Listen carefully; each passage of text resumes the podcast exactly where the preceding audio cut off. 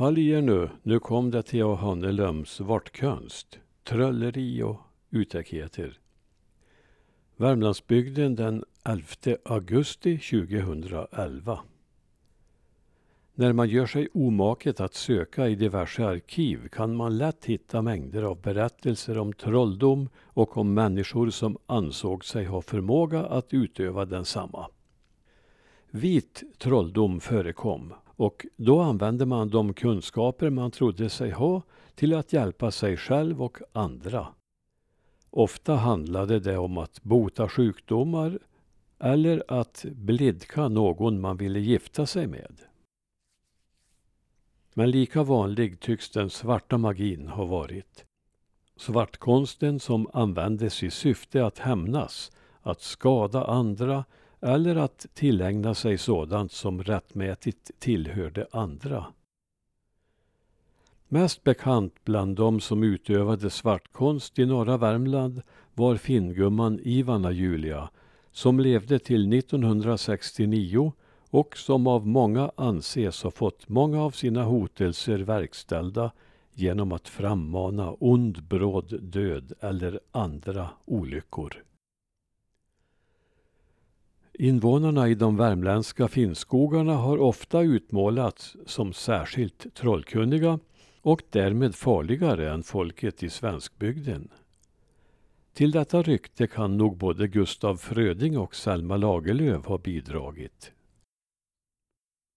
Frödings präst Bodenius blev förvandlad till alkoholist av en finsk trollkärring och berättelsen handlar om hur Finnskogens förste präst Emanuel Bransell blev förvandlad till alkoholist av en hämndgirig finngumma.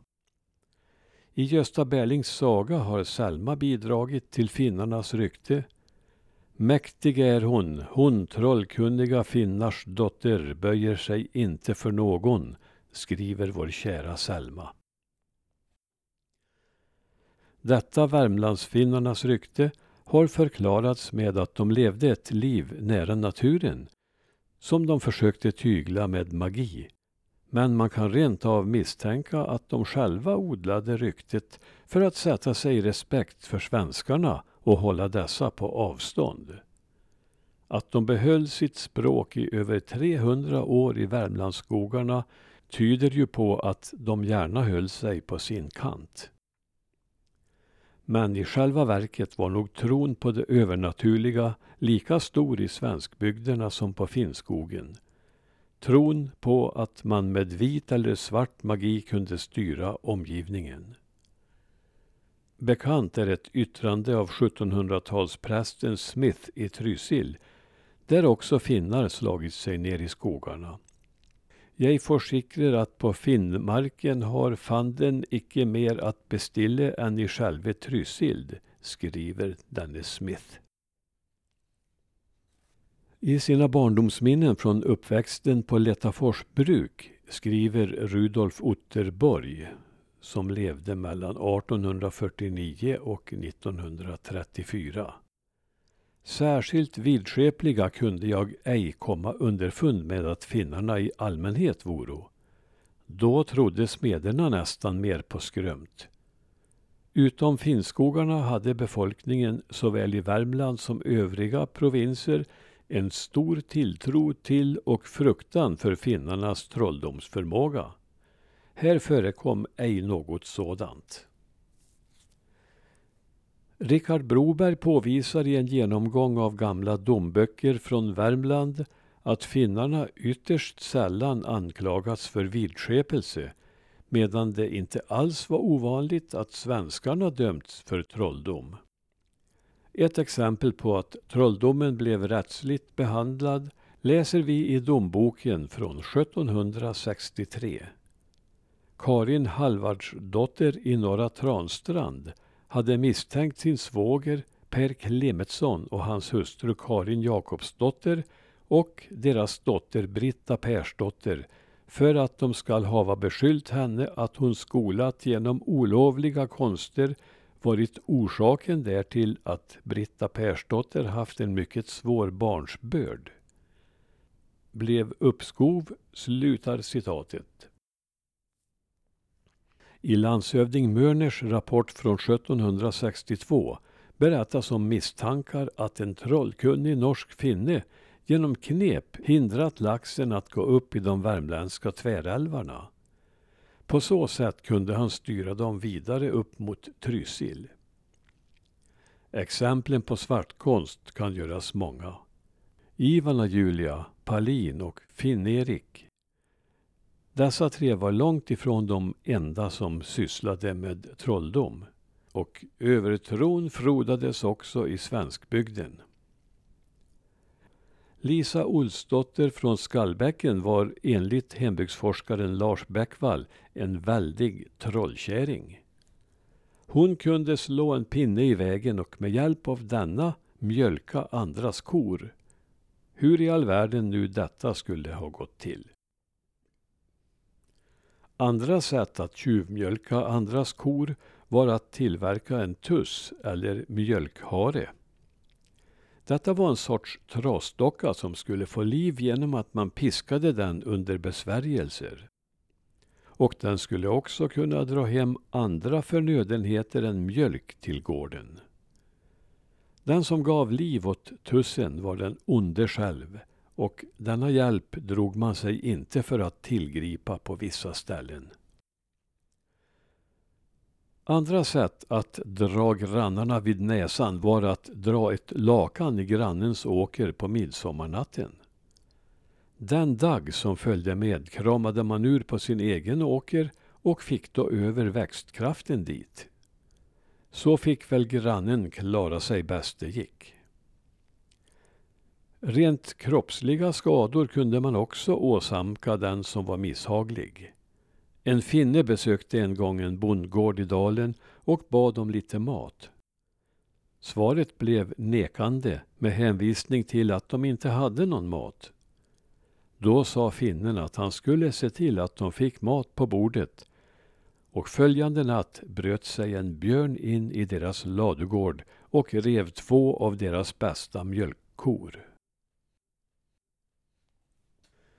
Trollpåsar och ramsläsning hörde till svartkonsten och påsarna, som också hade den egenskapen att de kunde skydda mot trolldom, de kunde innehålla nålar, björntänder, skatnäbbar, naglar, hår och annat smått och gott.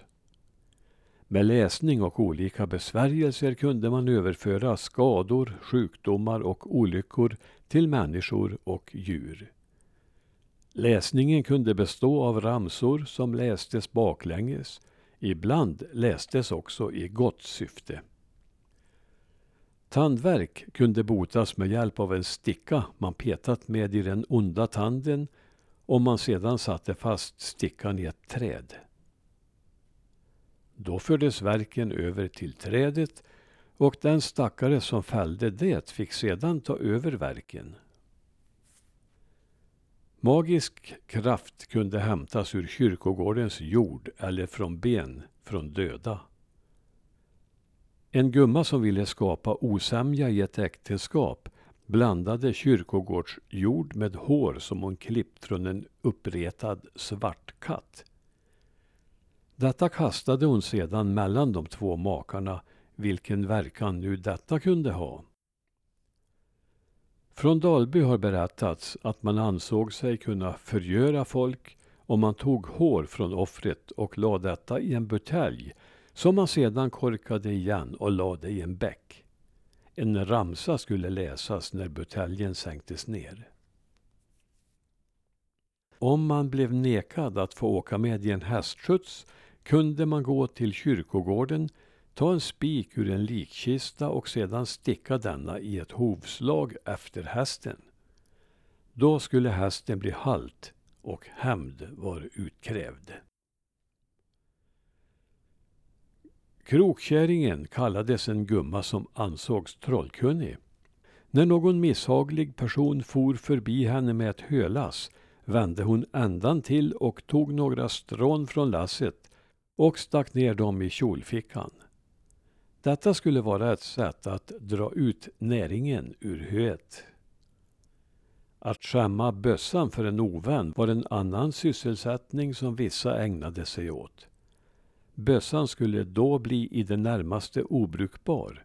Men, konstigt nog, om man lyckades skjuta en orm med den skulle den komma i gammalt gott skick igen. Också andra föremål kunde bli skämda genom svartkonst. Om en smörkärna blev föremål för hämndakten gick man bet med att göra smör i den. Men liksom i fallet med bössan fanns det bot. Man släppte ner en silverslant i kärnan och trolldomens kraft försvann. Man skulle också kunna förgöra människor på ett sätt som var besläktat med voodoo. Denna kunskap ansågs en del finnar ha. De skar ut en figur i näver och satte upp den på ett träd och sköt på den eller slog en spik genom den. Vips så hade man utan risk att bli dömd tagit livet av offret. Många underligheter förekom och de ovan nämnda konsterna var bara en skumning på ytan. Men, som sagt, svartkonsten praktiserades inte bara på Finnskogen.